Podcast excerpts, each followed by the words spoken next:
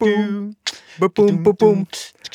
lytter til en podkast av Opplysningen på Radio Nova. Opplysningen på Radio Nova?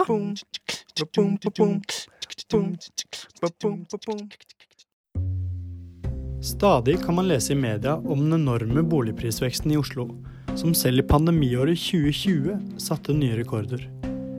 Når vi nå leser av våren 2021 og temperaturene stiger dag for dag, følger prisene i hovedstaden etter.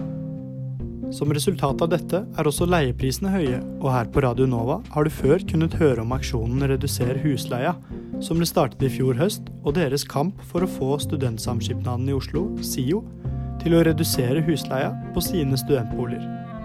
Initiativtakerne av aksjonen har bl.a. kritisert SIO for å hente ut millionoverskudd, ha høye lønninger, en lukket organisasjon og en arrogant holdning overfor studenter og deres økonomi. Aksjonen har fått stor oppmerksomhet og sympati og støtte fra mange studenter. Oppropet mot SIO har nå fått over 3500 underskrifter, og vi i Radio Nova var til stede foran studentparlamentet på Blindern da Reduser husleia overrakte ledelsen i SIO alle underskriftene sammen med sine krav om lavere husleie og innsyn i SIOs budsjetter. Vi nekter å tro at å redusere husleia er umulig for SIO. SIO har råd til lederlønninger på to millioner kroner. SIO har råd til å bruke gud vet hvor mye på de sosiale mediekontoene sine, som konstant bombarderer Instagram-feeden min. Når SIO følger prisøkningen i markedet, er de med på å presse opp prisen for alle. Vi krever at de skal sørge for at studentene får en lavere husleie i en tid der mange ikke klarer å dekke helt nødvendige ting, som mat, leie, medisiner. Og at de jobber for en permanent redusering av husleia. Alle skal ha mulighet til utdanning, uavhengig av foreldres lommebok eller mulighet til å være i jobb. Reduser husleia i SIO nå. Til slutt gir vi dere de resterende 1286 underskriftene sammen med denne røkelsen for de studentene som får tips om å delta på SIOs mindfulness-kurs, samtidig som den økonomiske Du hørte initiativtakere i Reduser husleia, Merita Fjetland og Nina Arnesen, tale utenfor studentparlamentet på Blindern. Etter overrekkelsen av de 3500 underskriftene tok vi en prat med konstituert styreleder i SIO, Stine Johannessen, for å høre hva hun har å si om oppropet og kritikken mot SIO. Og Stine, ligger SIOs leiepriser tett opp mot markedspris? Eh, De ligger lavere enn markedspris. Er det en fair pris for studenter å betale? Først og fremst så vil jeg jo si at eh, de kostnadene, eller husleieprisene vi har, er kostnadsdekkende for eh, de utgiftene vi har ved vedlikehold og ved studentboligbygging. Vil du da kommentere hvorfor SIO hentet ut et overskudd på over 200 millioner i 2019? Det er rett og slett bare fordi at man hadde et salg av en studentbolig. Eh, og de pengene ble satt av til bl.a. koronatiltak og studenthus. Eh, så det var et ekstraordinært resultat eh, pga. Eh, salg av studentbolig. Så til tross for mangel på studentboliger og et marked i enorm vekst, valgte SIO å selge unna to studentboliger. Hvorfor gjorde dere det?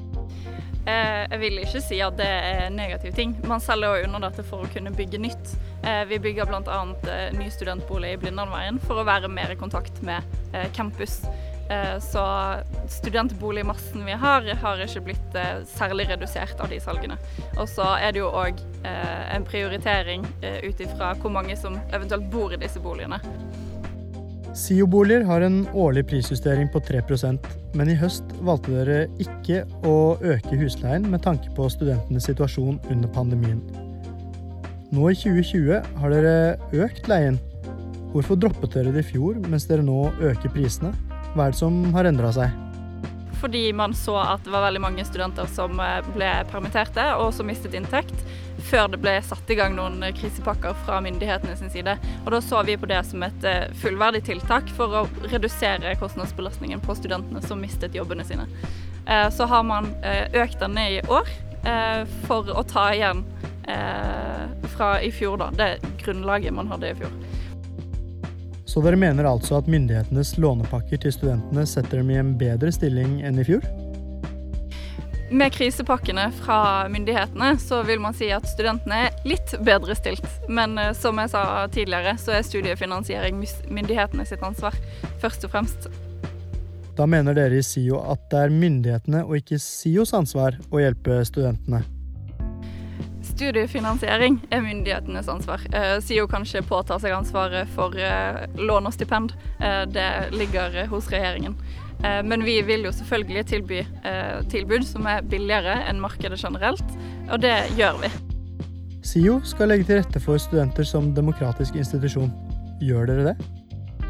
Eh, Vi har demokratisk påvirkning gjennom valgfestinget. Det er bl.a. valgfestinget som velger styremedlemmene som sitter i hovedstyret. Og valgfestinget tar òg opp saker som er relevante for studenter opp mot SIO. Og der har alle studenter mulighet til å komme inn på møtene og komme med sine innspill. Reduser husleia anklager dere for å ikke ta hensyn til studentopprop og aksjoner. Ville dere ikke vært mer på linje med det studentene ønsker ved å lytte til Reduser husleia? Som sagt så har studentene påvirkningsmulighet gjennom Velferdstinget og Velferdstingets møter. Eh, Jeg har ikke noe mer å tilføye på det. Og til sist. Kunne kapitalen SIO sitter på fra de nylige salgene av studenthusene vært brukt på å redusere husleia for å bedre studentenes velferd?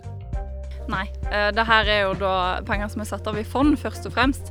Eh, og så er det jo eh, sånn at hvis man skulle sett på en permanent løsning for å redusere husleien, så måtte man hatt en finansiering utover et visst beløp, et satt beløp. Det må være en sirkulær økonomi i det. Du hørte Stine Johannessen, konstituert styreleder i SIO. Det virker altså ikke som SIO vil høre på aksjonen Reduser husleias opprop med det første. Men med et boligmarked i rask vekst og et år med økonomisk tilbakegang og pandemi, vil nok ikke diskusjonen om studentenes boligsituasjon være over med det første. Boom, boom, boom, boom. Du har nå hørt en podkast fra Opplysningen 99,3. Finn denne og tidligere episoder på Spotify, iTunes eller der du måtte finne dine podcaster ellers.